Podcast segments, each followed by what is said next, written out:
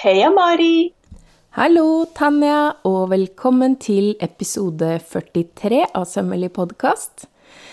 I dag skal vi snakke om noe som eh, mange har venta på, eh, og det er valg av symaskin. Veldig mange spør om eh, hva man skal ta hensyn til, og lurer liksom på det her. Hvordan finner man den rette maskina for seg? Så i denne episoden her så skal vi ta en prat med Gry, som driver kakle.nett. Og hun er også ukas sponsor. Jippi! Det er så spennende. For det første at vi endelig får en gjest, men også at vi har en sponsa episode. Ja. Det er nesten så vi burde blåst i den lille lille bursdagstuta nå. Fordi at vi syns det her er litt sånn stort og veldig gøy. Fryktelig stas. OK, skal jeg rett og slett hente inn eh, gjesten vår? Ja, jeg tenker ja. det. Jeg er klar som et egg.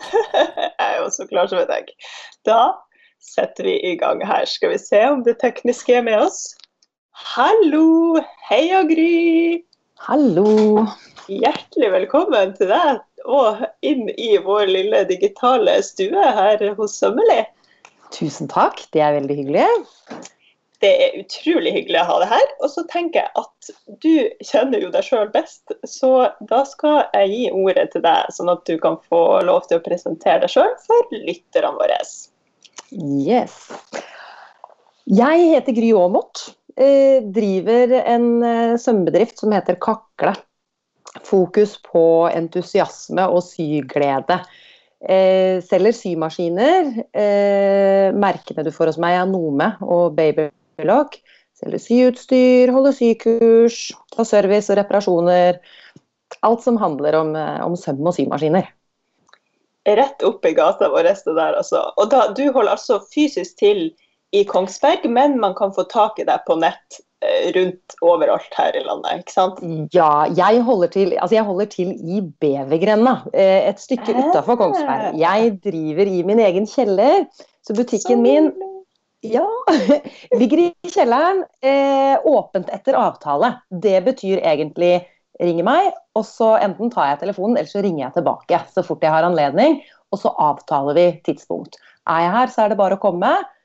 Eller så finner vi et tidspunkt som passer. Og folk ringer og kommer til eh, alle døgnets tider. Man kan like gjerne komme her en søndagskveld klokka åtte som en vanlig formiddag.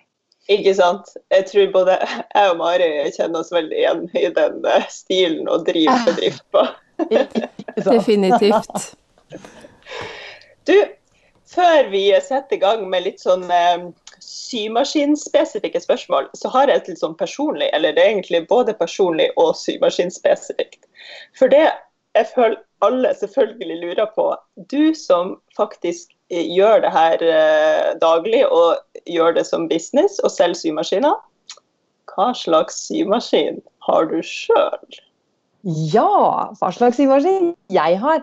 Du, jeg har jo verkstedet mitt i butikken. Sånn at jeg kan egentlig plukke akkurat den maskinen jeg vil når jeg skal sy. Eh, akkurat nå syr jeg nesten bare på den nye Continental M7. Den nye store modellen til Janome er veldig fin. Den bruker jeg mye. Skal jeg sy på overlock, så velger jeg vel mest eh, AT2000 fra Janome. Den store overlocken deres. Mm. Veldig fin. Cover Euforia. Babylock Euphoria, som kom nå i høst. Det er de tre jeg syr aller mest på. Skal jeg brodere, så bruker jeg 550E fra Janome. Å, herlighet. Her kommer det som perler på en snor. Jeg regner jo med at du bare vil deg sjøl godt, så du syr jo sikkert på det som er diggest å sy på, for å si det sånn. Ja, jeg velger jo det jeg liker best. så bra. OK. Mari, skal vi sette i gang med Vi har både spørsmål fra lyttere og, og spørsmål som vi har fått veldig ofte sånn opp igjennom sjøl, og som vi mm. egentlig har sjøl også. Så vi bare kjører i gang med en litt sånn deilig spørsmålsrunde for å få oppklart mange mysterier og eh, gi god info til lytterne våre om valg av symaskin. Ja, nå er det nok mange som tenker at jeg var jo mistenkelig stille hittil i episoden. Men for at vi skal øve oss på å ha en tredje person inn, så tenkte jeg nå gjelder det å ikke komme noen utbrudd, så det har jeg prøvd så godt jeg har kunnet å ikke få. Så velkommen til deg, Gry. Det er så gøy at du er her. Tusen takk. Eh, og veldig mange lurer jo på det her. Det er liksom basic, grunnleggende valg man må ta aller først. Folk lurer på forskjellen på mekanisk, elektronisk og datastyrt. Og det er jo noen kanskje som forbinder liksom ordet mekanisk med mer sånn gamle maskiner, kanskje, men det er jo mekanikk involvert i nyere maskiner òg, så kanskje du kan utdype det her lite grann? Ja, en sånn kjapp, eh, kjapp, forskjell så er jo de altså Hvis du ser for deg gammel, den gamle maskinen til mammaen din fra, fra 70- eller 80-tallet, ikke sant, hvor du velger en søm ved gjerne å vri på et hjul eller stille på en knapp, og så må du stille inn en stinglengde og en stingbredde. Og så har du en pedal som du styrer farta med, og skal du rygge, så har du gjerne en sånn litt stor knapp som du bruker som revers. Det er en mekanisk maskin. Den kjenner alle, ikke sant? Den er det mange som har sydd på. Og så har du en elektronisk maskin. Den stiller seg inn for deg. sånn at når du starter den, så starter den på en midtstilt rettsøm, som er den mest vanlige sømmen. Og så stiller den seg inn på et forslag på stinglengde, forslag på stingbredde, og hvis du er fornøyd med det, så kan du bare starte å sy. Og da kan du enten bruke pedal, som du gjør på den gammeldagse mekaniske maskinen, og styre farta der. Da har du en sånn trinnløs hastighetsregulering som du kan gi deg sjøl en maksfart på. Så si at eh, samme hvor mye jeg trykker på pedalen, så skal jeg ikke ha mer fart enn dette. Eh, eller du kan droppe pedalen, og så kan du sy med start- og stopp-knapp. Og Da er det sånn at du velger fart med den trinnløse hastighetsreguleringa, og så syr du ved å trykke på start og trykke på stopp når du er ferdig. Så bra. Og alle de med start- og stopp-knapp kan også få pedal, ikke sant? Ja. for det Alle har vært... maskiner kan du ha pedal til. Og så er det Jeg pleier å si til folk For det, jeg, det har en del som sier nei, det, den der start- og stopp-knappen den vil jeg ikke ha noe med å gjøre.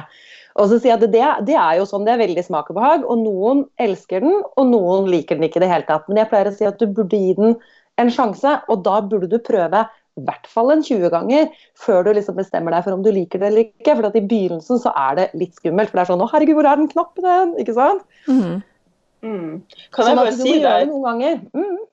at uh, jeg elsker jo den knappen på enkelt Altså, jeg bruker den ikke hvis jeg syr vanlig, men skal jeg sy knapphull f.eks., gidder ikke jeg sitte der og trykke nede? Altså, da trykker jeg bare på play, og så går det av seg sjøl. Eller skal jeg spole opp undertråd. Da orker jo ikke jeg å sitte ved maskinen og spole. Trykker jeg på play, så går jeg og tar meg en kaffe, så kommer jeg tilbake. Ja, men Veldig enig med deg. Det er også veldig ok å kunne variere ikke sant, i forhold til hva du skal gjøre. For noen ganger vil du på en måte ha stålkontroll med pedalen og sakke litt ned og kjøre litt på og kunne styre sånn. Og andre ganger så er det superdeilig å bare sitte med start og stopp og, og la beina hvile. på en måte. Så nei, smak og behag, altså. Dette er veldig interessant, for jeg har jo ikke sånn start og stopp-knapp på noen av mine maskiner. Jeg plutselig gikk det opp for meg at mine maskiner ikke var nye lenger i det hele tatt, at jeg egentlig er litt utdatert. Så, så jeg lærer jo også masse nå. Jeg er av den typen som syns det er litt skummelt med den knappen. Ja, men, men, det er mange som syns det, og så er det mange som på en måte syns det er veldig behagelig når de bare får testa den ut litt. Mm. Men uansett så har du jo pedalen, sånn at det, det der velger du sjøl. Om du syr med pedal eller syr med start og stopp, det er, det er smakssak, og det velger du sjøl. Ja. Kan vi da, er det da, altså dette her med, for Vi fikk spørsmål om datastyrt, men det er vel det samme som elektronisk, er det ikke det? Eller? Det, ja, det er det. det er Enten så har ja. du en mekanisk maskin, eller så har du en elektronisk maskin. Og så er det mange som sier at nei, jeg skal i hvert fall ikke ha elektronisk maskin, for de er det så mye trøbbel med. Og det er det ikke. Det, er, eh, det, det, var det helt sikkert da de kom, som alle andre nye ting som kommer på markedet. Så var det sikkert mye trøbbel. Men nå har jeg solgt maskiner i ti år, og jeg har, jeg har ikke bytta et kretskort enda, liksom. Det er ikke mye styr med dem. De er utrolig solide maskiner som det er fryktelig lite gærent med.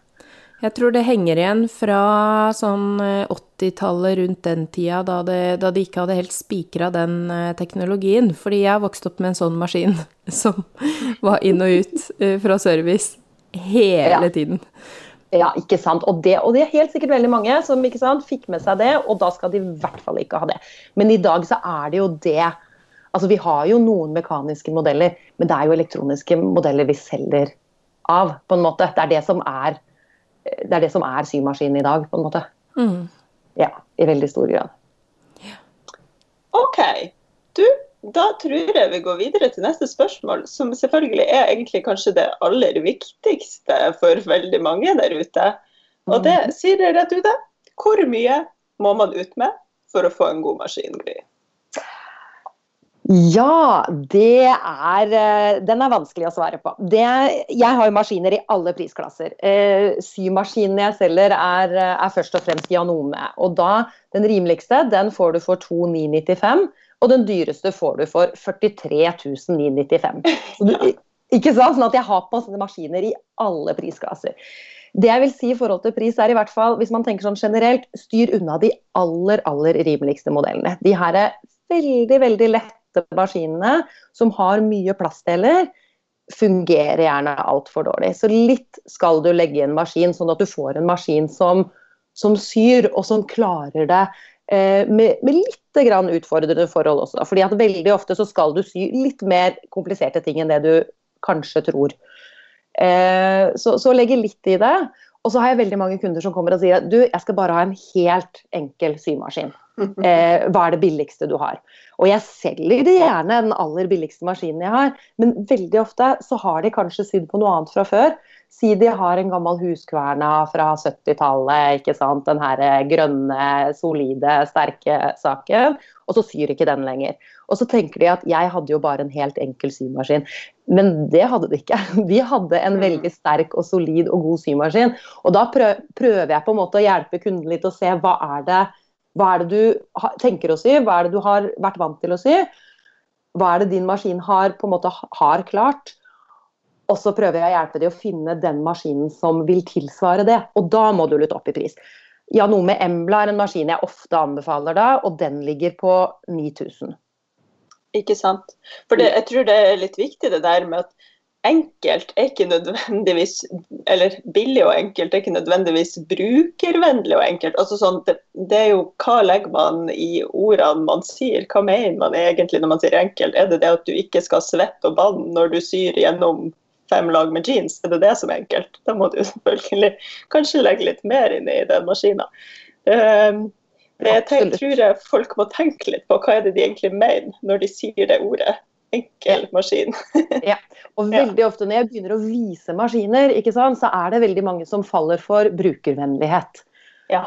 Ikke sant? At det er det veldig mange. Og da får du en altså F.eks. Embland, som er superenkel i det at den har 30 knapper, og det er én søm per knapp. Sånn at du trykker bare på knappen til den sømmen. Skal du sy sikksakk, så trykker du på sikksakk-knappen, stiller seg inn for deg, bare å starte å si. Og så kan du selvfølgelig overstyre og si nei, jeg skal ha breiere søm, eller jeg skal ha tettere stinglengde, eller du kan stille på syfottrykk og sånne ting. Men, men, du må på en måte ikke kunne så mye for å starte å sy. Du kan bare velge sømmen, og så er du i gang. Og det er mm. brukervennlighet som veldig mange faller for. Ikke sant. Herlig!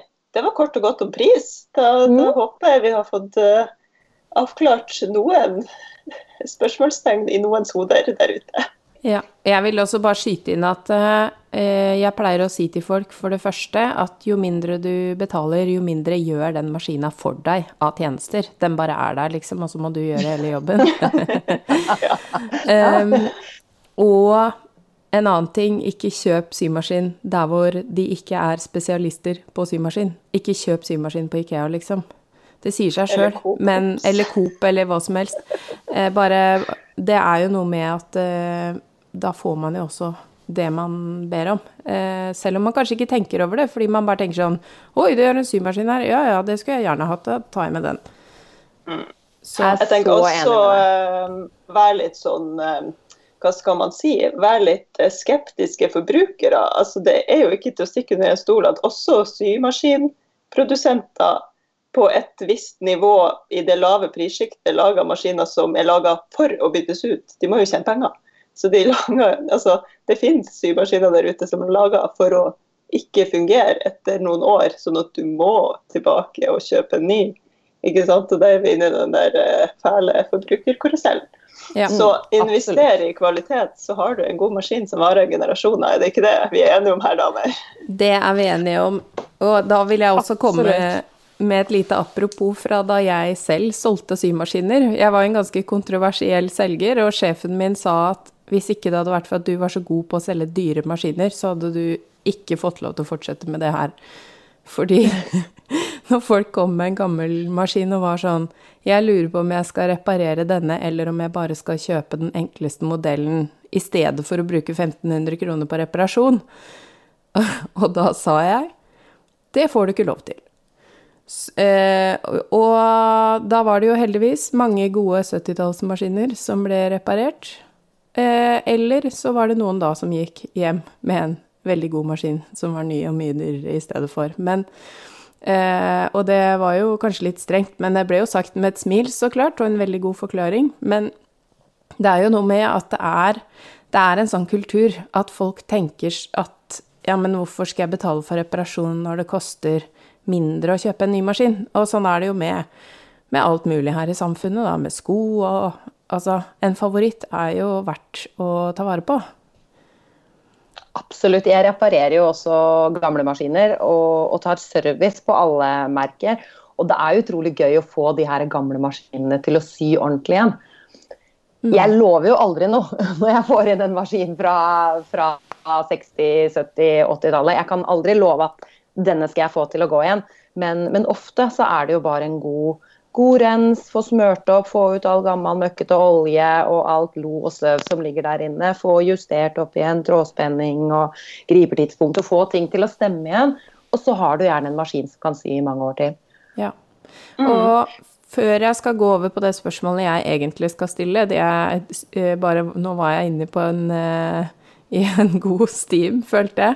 Fordi når du Når man eh, benytter seg av innbytteordningen, f.eks., kan man, eller, eller kommer med en maskin som man lurer på om det er verdt å fikse, kan man si f.eks. Eh, denne her vil jeg veldig gjerne reparere hvis du kan få den i god nok stand, og eh, kan du si ifra hvis du ser at det går ikke å gi meg tilbud på en annen maskin?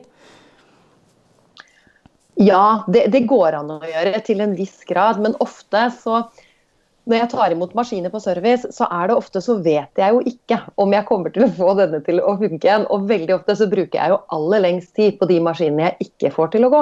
Ja. Mm. Ja, sånn at min, eh, min eh, Der var jeg veldig grei da jeg starta. Så kunne jeg bruke timevis på en maskin, og så kunne jeg si at uff, jeg fikk ikke nok til å gå, så det her skal ikke du betale for. Eh, Men, men det har jeg slutta med. Jeg, jeg tilbyr service på maskiner, og det koster 950 kroner. Rett og slett uavhengig om jeg klarer å få den til eller ikke. Eh, Men jeg legger mitt beste i å få den til, og, og ofte så, så går det fint. Og noen ganger så er på en måte maskinen eh, så sliten eller har på en måte sånne type feil som ikke er anbefalt å gjøre noe med. For du kan jo få det til, ikke sant? men du må bruke veldig mye tid, og det vil koste veldig mye. Og da pleier jeg heller å, å anbefale å se om ikke du skal ha en ny maskin i stedet for. Ja. Mm. Yeah. Gry, kan jeg da bare spørre, eh, sikkert mange som lurer på dette. Du som driver med service og reparasjon, hvor ofte vil du anbefale å ta en sånn spadag for symaskiner? Hvis den går helt fint og det er ikke noe feil, hvor ofte burde man liksom gi den et litt sånn pampering? Åh, det er veldig vanskelig å svare på. Det er som å svare på hvor ofte skal jeg olje symaskinen min. Og det kommer an på så mange ting. ikke sant? Fordi det kommer an på, For det første kommer det an på eh, hva slags maskin du har, hva slags tråd du syr med. Mm. Eh, noen tråd legger veldig mye mer lo og støv igjen i maskinen sin enn annen tråd. Hva slags stoff du syr i. Noen stoffer loer jo veldig mye, ikke sant? gir mye avfall ned i maskinen din. Så kommer det selvfølgelig an på hvor mye du bruker den. Jeg har jo kunder som syr altså nå og da, ikke sant? og så har jeg kunder som sitter og syr hver eneste dag. Eh, og som er veldig flinke og rengjør maskinen sin. Og det ser jeg når jeg får de inn på service, for de ser veldig fine ut. Men når jeg åpner de, så er de altså så stappfulle av lo som ikke synes for den som bruker den. ikke sant? Fordi at du kommer jo til, og det er veldig viktig at du sjøl tar opp stingplate, løfter ut spolehus, rengjør alt som er der nede. Og jo oftere du gjør det, og da er det fram med støvsugeren og en kost. Mm. Noen bytter ut den kosten som følger med symaskinen med en sånn sminkekost eller en malerkost som har litt større bust. Sånn at den liksom kommer enda mer til og får ut alt lo og, støv. Men det ramler veldig mye inn i maskineriet likevel. Så for de som syr hver eneste dag, så, så pleier jeg å si at da burde du sikkert inn en gang i året, altså. Eller oftere. Eh, men syr du nå og da, har du det som en hobby, ikke sant? har det ute sånn nå og da, så ja, kanskje hvert tredje år. Noen kommer jo med maskinen sin, har aldri vært på service, har hatt den i 15 år, og det går greit det også, men det kan også gå skikkelig skeis, da. Mm. Ja. Ja. Og eh, da er jo det neste spørsmålet, når man da skal kjøpe en ny maskin, hva er det egentlig man betaler for? Er det motoren, er det funksjonene, er det altså det er, jo, det er jo så mye forskjellig man, Alle har jo forskjellige kriterier også ut ifra hva de er på utkikk etter, men, eh, men hva er det generelt som blir bedre på dyrere maskiner? Mm. Jeg har mange kunder som kommer og sier du, jeg skal ha en helt enkel symaskin. Jeg trenger bare rettsøm og sikksakk, egentlig. Men det fins ikke. Det får du ikke. Sant? Du får ikke en, så, Da må du ha en ren rettsømsmaskin, da, som er en industrimaskin. Og hvis ikke, så får du alltid et utvalg av sømmer. De aller rimeligste maskinene har gjerne 15-20 sømmer. Så det er, aldri, det er ikke sømmene du først og fremst betaler for. Det får du på en måte alltid, alltid med. Det du betaler for, eller det viktigste du betaler for, er kanskje ytelse. Sant? At jo mer du legger i en maskin, jo sterkere motor får du, jo sterkere nålkraft får du, jo bedre transportør får du. Og det er de viktige tinga for at en maskin skal sy godt. Og så betaler du selvfølgelig for mer presisjon. Sånn som den største maskina til Janome har 92 nålposisjoner. Så, så det blir superpresis. ikke sant? Det er 92 forskjellige steder som nåla kan gå ned. Dessuten så jo større maskin du kjøper, jo breiere sømmer får du. Sånn at de minste maskinene har inntil 5 mm breie sømmer. Så har du et stort sånn mellomsjikte hvor de ligger på 7 mm breie sømmer. Og så har du de store maskinene som har 9 mm breie sømmer. Og da vil jo alle sånne dekorsømmer og bokstaver og sånne ting gjøre mye mer ut av seg. Og så består det selvfølgelig for størrelse. da, at Jo mer du legger i en maskin, jo større maskin, jo større arbeidsrom får du. Og så mm. betaler du for finesser.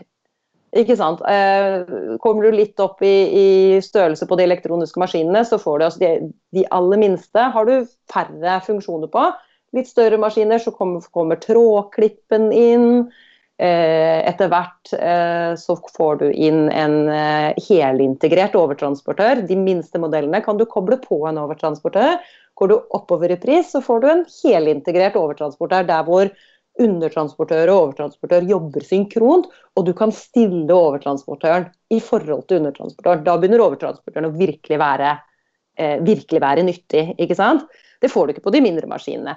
Kommer du opp i de største modellene, så får du også automatisk trådfot, nei, trykkfotløft. Så er det sånn at når du starter maskinen, så senker foten seg og syr. Og når du stopper, ja, så løfter foten seg. Sånn at det, eh, du får jo også mer og mer finesser, men det aller viktigste du betaler for, det er ytelse. Ja.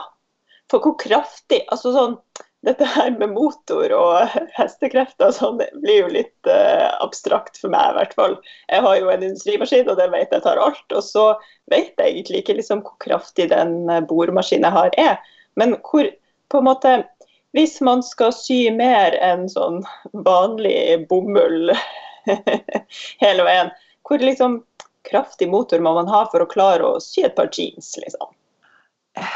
Nei, jeg, jeg, pleier å spørre kunden hva er, du, hva er, det du, syr, og hva er det du har lyst til å sy.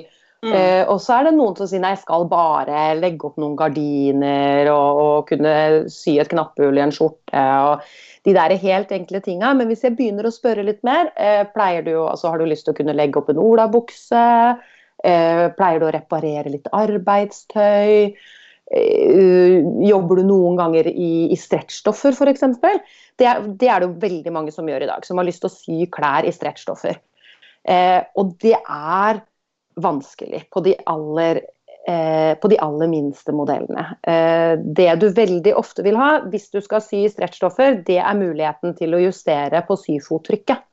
Altså hvor mm. hardt syfoten holder i stoffet. fordi at Hvis du ikke kan justere det, så er i utgangspunktet maskinen konstruert sånn at den skal holde hardt i stoffet. Ikke sant? Fordi at den skal gi en veldig sånn kontant og god eh, transportering av stoffet. Men i stretchstoff så vil jo det si jo hardere den foten trykker, jo mer drar den i stoffet mens du syr.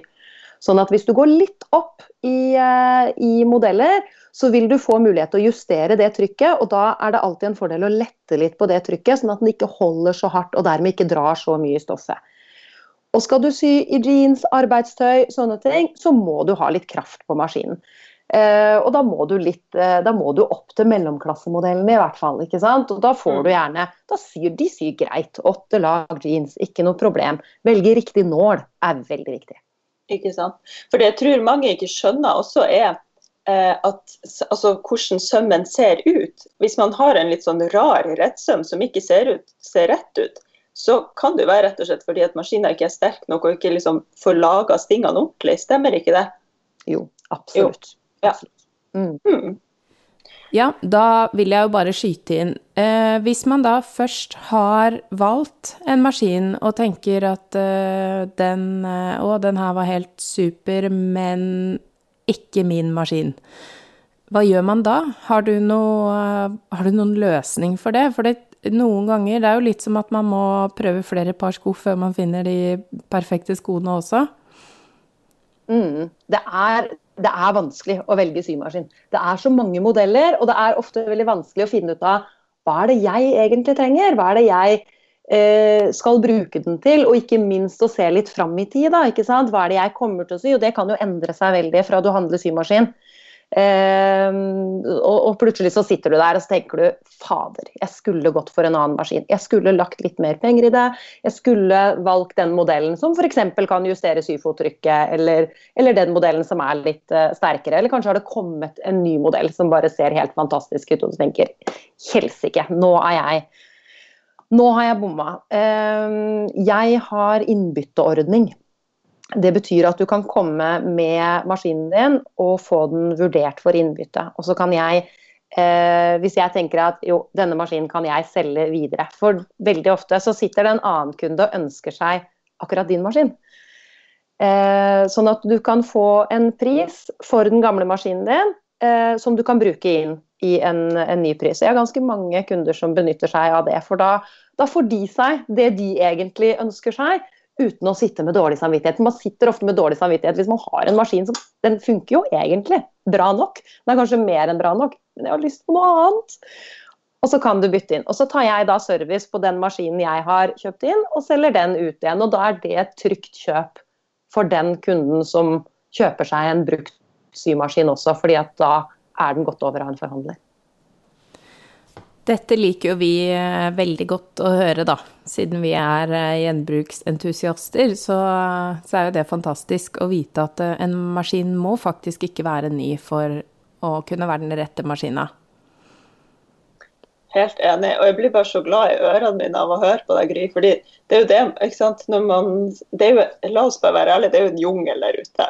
Og å komme inn til en person som deg, som har såpass mye kompetanse og såpass trygg og faktisk kan gi de riktige anbefalingene av de riktige grunnene, er jo utrolig betryggende, føler jeg, som, som kunde. Så hadde jeg følt meg veldig god og trygg med det. Det må jeg bare si.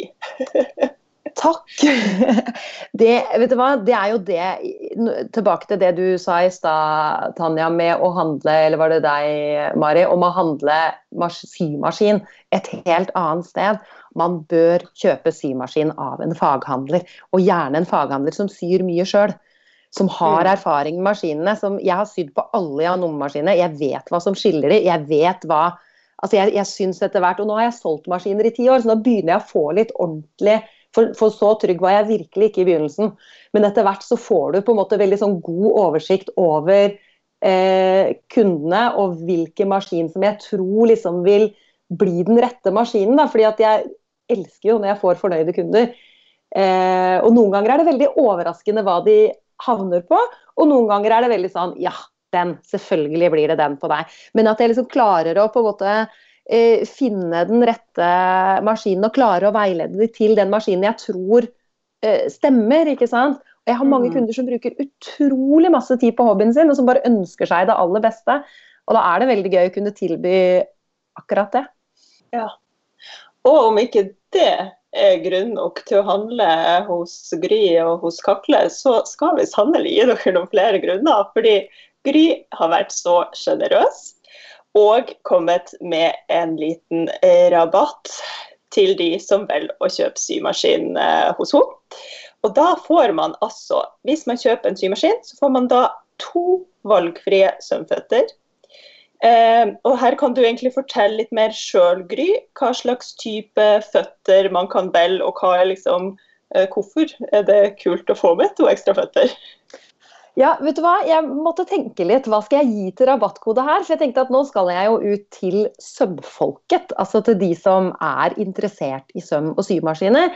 Og altså, noen ganger så gir jeg med, ikke sant. Du kan få med en eh, saks, eller du kan få med en pakke tråd eller nåler. Og så tenkte jeg, men hva eh, Altså å på en måte tilpasse det til, så du kan få det du har lyst på, da.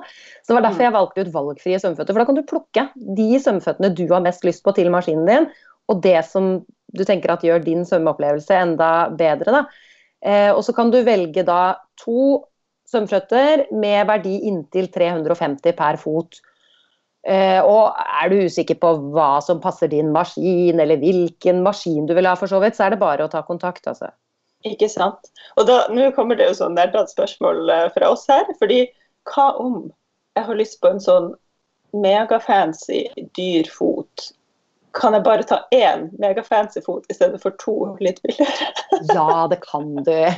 eller du kan betale et mellomlegg, eller Ja, Det fikser vi. Ja, ja, Det det fikser fikser vi. Så bra. Mm. Yes, da er jo føttene i boks. Og så har du i tillegg til det, da altså jeg tenker sånn, OK, jeg har valgt en maskin. Jeg har funnet de to eller den ene megafoten. Og hva er det mer vi som sømfolket trenger? Jo, det er symaskinnåler og sytråd. Og jammen meg gir du 15% rabatt på det også, hvis de handler hos deg. Ja. Alt av symaskinnåler, alle sytråder. Jeg har eh, Gytemann eh, som vanlig sytråd, eh, og Wonderfeel har jeg en god del forskjellige dekortråder. Helt fantastisk. Tusen takk for det, må jeg bare si på vegne av lytterne våre, eh, at du er så sjenerøs. Og eh, bjuder på, rett og slett. Bare hyggelig. Da må jo jeg bare skyte inn at som vanlig i denne podkasten så er rabattkoden sommerlig.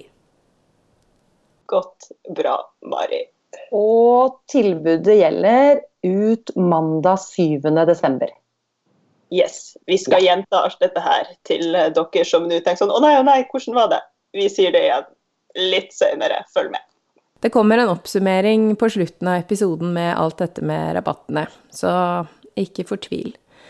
Um, og da Nå har vi allerede snakka en del om eh, valg av symaskin uh, i forhold til hvilken personlighet man eh, har, og hva man er ute etter, så da er det vel bare å understreke at du er veldig interessert i å hjelpe folk gjennom det valget. Så det er man usikker, så er det bare å rette spørsmål til deg, så, så får man hjelp før man gjør dette kjøpet. Og nå er det jo virkelig topp anledning til å sørge for at man får verdens beste julegave, er det ikke det, da? Det er klart, det nærmer seg jul, så det er absolutt eh, en fin anledning til det. Om det er til en sjøl, eller om det er eh, Man kan liksom dytte det på et familiemedlem. Det kan, såpass eh, kan man vel kanskje gjøre når det, når det er nærmer seg. Det er faktisk det hyggeligste jeg vet, når, det er, når folk kommer og skal kjøpe, kjøpe gave. Enten man skal kjøpe gave til kona si, f.eks., som har ønska seg symaskin, eller de som kommer og har lyst til å, å handle maskin til barna sine, f.eks. Mm. Beste jeg vet, folk som handler eh, konfirmasjonsgave eller julegave til ungene sine, syns jeg er kjempegøy. Da gir du ungene både Altså, du gir en bærekraftsgave, og du gir en mulighet til å lage ting som de kanskje ikke egentlig er klar over sjøl engang. Det er kjempemorsomt. Mm. Og eh, nå har vi jo snakka en god del om eh, hvordan man skal velge symaskin, men fins det noen sånn slags sjekkliste som de fleste kan ha nytte av når de skal kjøpe maskin? Det jeg pleier på en måte å, å, å prøve å finne ut av, er hva skal du bruke symaskinen til? Hva syr du? Hva har du lyst til å sy? Eh, hva er det du har lyst til å få til? Hvis du har en maskin fra før, hva er det du liker godt ved den? Eh, og kanskje også hva er det du syns er vanskelig å få til? Hva er det du ikke får til i dag? Eh, så kanskje det finnes en maskin som gir deg, som gjør den jobben lettere. da. Og så prøve å finne ut av hva slags budsjett har du. ikke sant? Hva er det du kan bruke? Og noen er ute etter å kjøpe her og nå, andre sonderer terrenget for å finne ut av hva skal jeg ønske meg? Hvor mye skal jeg spare opp til for å få den maskinen jeg egentlig ønsker meg? Så egentlig det viktigste rådet fra meg er å prøve å, eh, prøve å, å, å se for seg behovet sitt, da. Mm. Da har vi jo på en måte dekka dette her med, med symaskin ganske godt, Gry. Og vi får, altså i tillegg til symaskiner, så får vi jo altså, abnormt med spørsmål når det gjelder overlock og cover stitch, og ikke minst broderimaskin, der vi kjenner at liksom, å, dette har vi ikke noe kompetanse på til å kunne svare. Og det har jo du. Så jeg tenker liksom, alle dere som sitter og lurer, ta kontakt med Gry. Hun har all infoen. Hun er som liksom deres eh, hva heter det, guru i denne verden som kan svare på alle disse flotte tingene dere lurer på. fordi vi rekker jo ikke å dekke over alt dette i en liten episode her nå, men Gry, du kan, kan, du ikke gi en sånn liten sånn kort smakbit på overlock, cover stitch, broderimaskin, jungelen? Kanskje si også hva er egentlig forskjellen på overlock og cover stitch, for det er det mange som ikke vet. Ja, det, det, kan vi ta først. For det er det veldig mange som, eh, som og, og ikke vet eller ikke har helt oversikt over. Så det er mange som kjøper seg en overlock, og så tror de kanskje at de har fått muligheten til å sy cover som også. Men, men, det har man jo ikke. Det er to forskjellige maskiner. Eh, stort sett i hvert fall så er det. Det finnes noen kombimodeller. Eh, de pleier jeg som regel å anbefale deg å styre unna, med mindre du går for toppmodellen til Babylock, som er en god kombimaskin. Ellers Rein overlock, rein cover er ofte det som fungerer best. Overlocken den syr alltid i kanten av stoffet. Enten du skal sy sammen to lag, eller du skal uh, sy i ett lag, altså kaste over eller kant, eller sy rullekant i ett lag, så syr den alltid i kanten av stoffet. Den syr sammen, kaster over, og så har den en kniv som finklipper stoffet før den kommer inn mot nålene det er overlock-maskin. Det som er genialt med overlock og cover, er at du kan stille på det som heter differensialmater, som gjør at den transporterer like godt i stretchstoff som i faste stoffer. Den på en måte holder litt stoffet sammen, rynker det på en måte litt mens du syr, sånn at du ikke får noe som helst bølger i stretchstoffet ditt. Som gjør den genial til å sy. Så med en gang du er på en måte inne på tanken om å sy klær, og du er i gang med å sy klær i stretchstoffer, så går det ikke så lenge, så begynner du å sikle på dobbeltlokkmaskin. Og så finnes de også i, i, ulike prisklasser. ikke sant? Jeg har den rimeligste hos oss, ei Anome Mylock, som vel er den mest solgte overlocken enda, tror jeg, i landet. Den er veldig mye i bruk. Den koster 6,5. Det er en, en ren mekanisk maskin hvor du må lære deg hvordan du trer den, og du må på en måte kunne stille den inn riktig for å få den til å sy pent, men den syr veldig pent. Jeg har sett på den i ti år, nydelig maskin, men her må du lære deg litt. Og så kan du på en måte betale mer for å få større, sterkere maskiner som er mer brukervennlig. Som f.eks. trer griperne for deg, som er det som er litt komplisert å få til. ikke sant? De har luft i treng, enten du da mekanisk eh, drar i en spak, og så trer den trådene for deg, eller på de største babylock-modellene hvor du har luft, motorisert lufttiltreng. Da putter du bare tråden ned i et høl, så trykker du på en knapp, og så, drrrt, så drar den tråden gjennom gripersystemet for deg. Sånn at du, Der kan du betale deg til bedre og bedre løsninger. Men alle overlocker gjør det samme. De syr i kanten av stoffet, enten du skal sy sammen eller i kante. Og så har du coveren. Det er den maskinen som du kan legge opp med. Hvor du kan på en måte tenke deg en T-skjorte, en, en fabrikksydd eh, T-skjorte. Hvor du bretter inn kanten, og så syr du en søm over. Og på coveren så kan du velge du velger på en måte type søm kun ut fra hvilken nål du har i. Om du har i én, to eller tre nåler, så får du på oversida da enkelsøm, trippel, nei, tvillingsøm, brei eller smal, avhengig av hvilken nål du har i, eller trippelsøm. Mens på baksida, altså på undersida av stoffet, så får du da den karakteristiske gripesømmen. Så hvis det er én nål da, så får du en kjedesøm. Og hvis det er to eller tre nåler, så får du en gripesøm. Den kan du også bruke til dekor. Mange syr på lommer f.eks. på kjoler eller joggebukser eller sånn, og bruker den som dekor til å sy fast. Sånn at da bare syr du fra vrangsida, og så får du den sømmen på en måte på forsida av stoffet ditt. Så kan du også koble kantebåndstativ på, eh, og så syr du kantebånd rett. Altså da bretter den, da lager du remser av stoff, bretter den inn, og så syr den kantebåndet på for deg med, med tvillingsøm. Men ja, vet du hva, det er jo et helt annet tema. Skal man over til å snakke om overlock og cover, så kan vi jo snakke i timevis om det. Ja. Velkommen til sømmelepisode 52 om coverlock. Men du, kan jeg bare, fordi nå ble jeg litt sånn på privaten nysgjerrig. Fordi um, jeg vet jo og kan dette her med å gjøre um, Å lage en flatlokksøm med overlokken min. Og på en måte stille den inn sånn at jeg kan dra stoffene fra hverandre. Men mm. hvis man skal lage en liksom sånn flatlokksøm som man ser på sportstøy og tights og altså sånn industriell flatlokksøm, går det an på en coverstitch, eller er vi over i en liksom enda ny maskin? Ja, nei, vet du hva. Det du ser, for da tenker du typisk f.eks. Kari Traa ullundertøy. Ja, ja, akkurat det, det ser for meg. Ja, ikke sant. Alle ser for seg det. Og så har de veldig lyst til å lage det.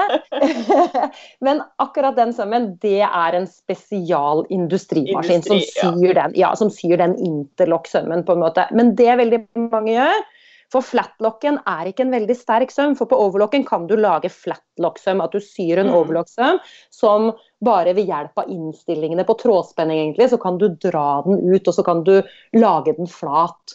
Eh, ja. Men det er, blir ikke en veldig sterk søm, egentlig.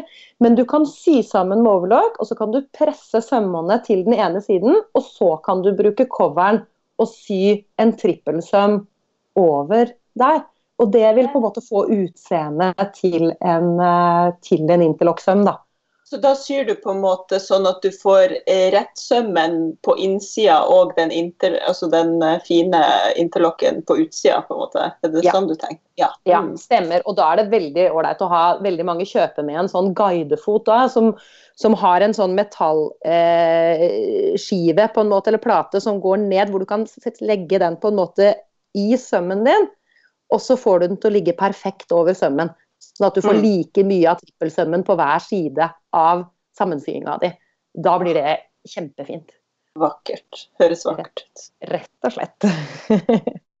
ja, da har vi jo egentlig fått en helt uh, superfin intro til Altså, vi har fått en inngående uh, inngående informasjon om symaskiner og en fin sånn god intro på overlock og cover stage.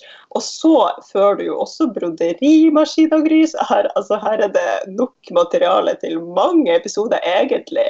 Men folkens som hører på der ute, er dere nysgjerrig, er dere interessert, vil dere ha god info, så må dere ta kontakt med Gry Kakle. Og dere finner da altså nettsida til Gry er www.kakle.net.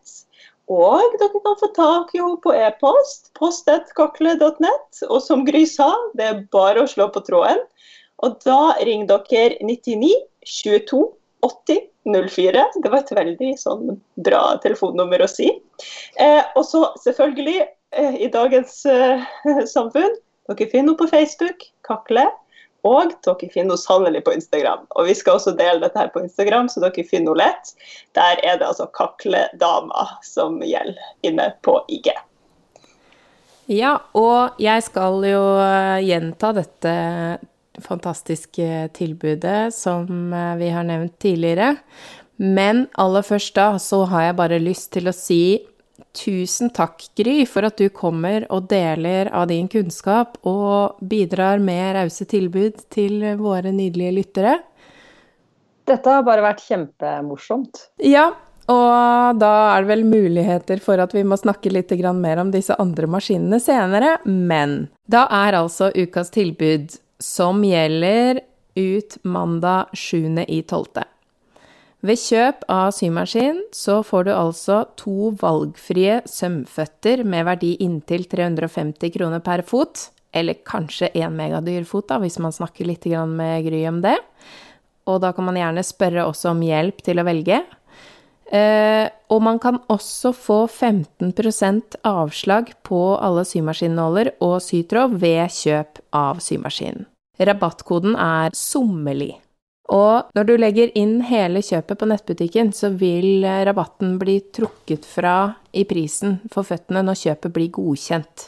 Altså, det er ikke sikkert man ser at uh, tilbudet blir eh, aktivert før etterpå.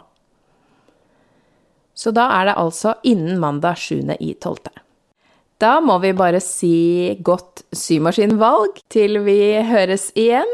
Ja, så spennende. Og tusen takk nok en gang til Gry for sin kompetanse og all fornuftig og fantastisk info hun har delt med oss i dag. Ja. Takk Ja, for oss. veldig kjekt å være med dere. Hurra! Ha det! Ha det!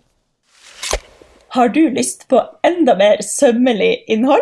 Da kan du bli en støttekontakt eller en skytsengel for podden på Patrion. Da går du inn på www.patrion.com. Der får du masse mer tips og triks, og kan også støtte podden så vi kan fortsette å produsere den. Har du noe ris eller ros, eller har lyst til å følge oss på sosiale medier, så finner du oss på Instagram. Der heter vi sommeli-podkast med k. Og du kan gjerne sende oss en mail på sommeli.podkastmedk.gmail.com. Og så vil vi si tusen takk til Andreas Prestmo i Wildhagen Studios, som eh, klipper og får oss til å høres fine ut. Og tusen takk til Synnøve Overid, som lager den fine musikken vår.